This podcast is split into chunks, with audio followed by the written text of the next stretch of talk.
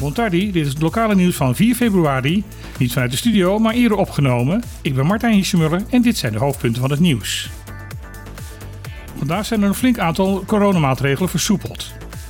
Gisteravond is bekendgemaakt dat door de dalende cijfers in het algemeen en ook de opnames in het ziekenhuis de coronamaatregelen kunnen worden versoepeld.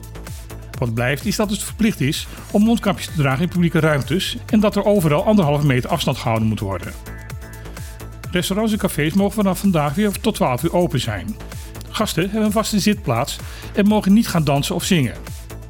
Deze versoepeling geldt ook voor restaurants en cafés bij hotels. Ook casinos en bioscopen mogen tot 12 uur open blijven. Ze mogen maar 50% van de capaciteit gebruiken. Seksinrichtingen gaan weer open, maar deze inrichtingen moeten wel regels hebben om de veiligheid van hun bezoekers en personeel te beschermen. Voor bruiloften en begrafenis geldt dat er een maximum is van 50 personen.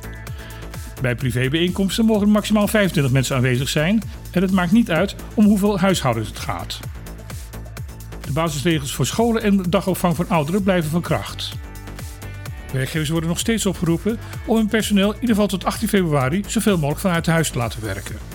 Er wordt ook dringend geadviseerd om werkplekken en plekken waar mensen samenkomen regelmatig te luchten. De hele lijst met maatregelen is na te lezen op de Facebookpagina van Meganieuws. Deze maatregelen zijn nu mogelijk omdat het aantal besmettingen op Bonaire snel daalt. Wel is er, is er eergisteren nog iemand overleden.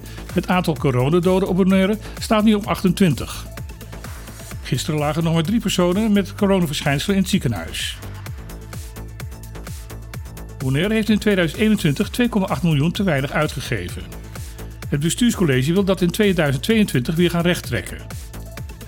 Dat denken ze te gaan doen door onder andere 1 miljoen uit te gaan geven aan participatie van burgers in ontwikkeling van het toerisme, 400.000 aan de versterking van beveiliging van digitale structuren, een bijdrage van 400.000 te reserveren voor de uitbreiding van het MBO Bonaire, 300.000 te reserveren voor de aanpak van coronacrisis in 2022, 100.000 te reserveren voor organisatieontwikkeling en 40.000 uit te trekken voor de omheining bij het honkbalveld.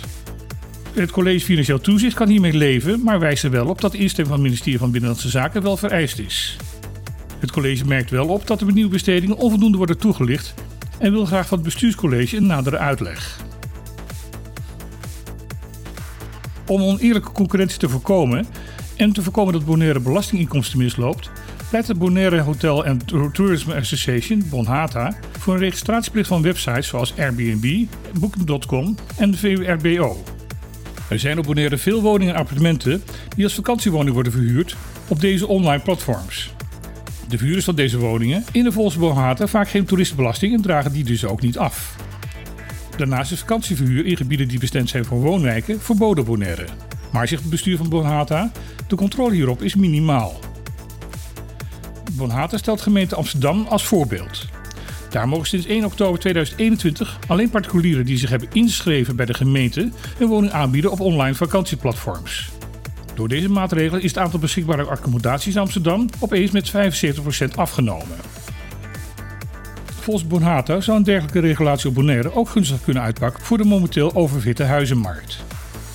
Een tweede woning kopen voor een korte termijnsverhuur is momenteel aantrekkelijk omdat het een mooie bijverdienste oplevert. Mede daardoor zijn er te weinig betaalbare woningen beschikbaar voor de eigen bevolking. Wanneer dit soort verhuur onaantrekkelijker wordt gemaakt, komen er ook weer meer woningen voor de normale markt beschikbaar. In Curaçao is het varkenspestvirus aangetroffen in varkensvleesproducten uit de Dominicaanse Republiek.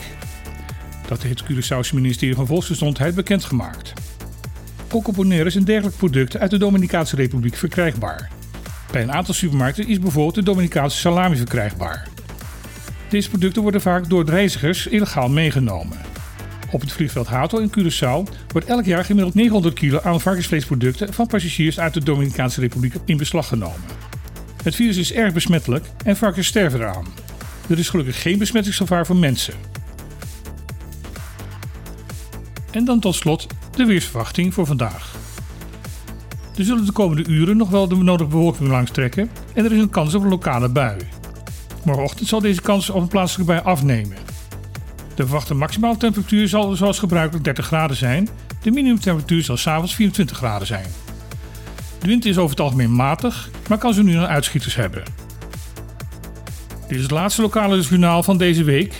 Morgen is zoals gebruikelijk op de klippen van 12 tot 2 op deze zender.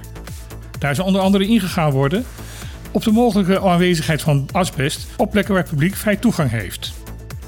De redactie op de clip had een beroep gedaan op de wet openbaarheid bestuur en het OLB heeft daar zeer beperkt gehoor aan gegeven. Uit de summiere informatie die we hebben gekregen blijkt toch een vrij alarmerende situatie. Dit en nog veel andere dingen morgen in op de klippen.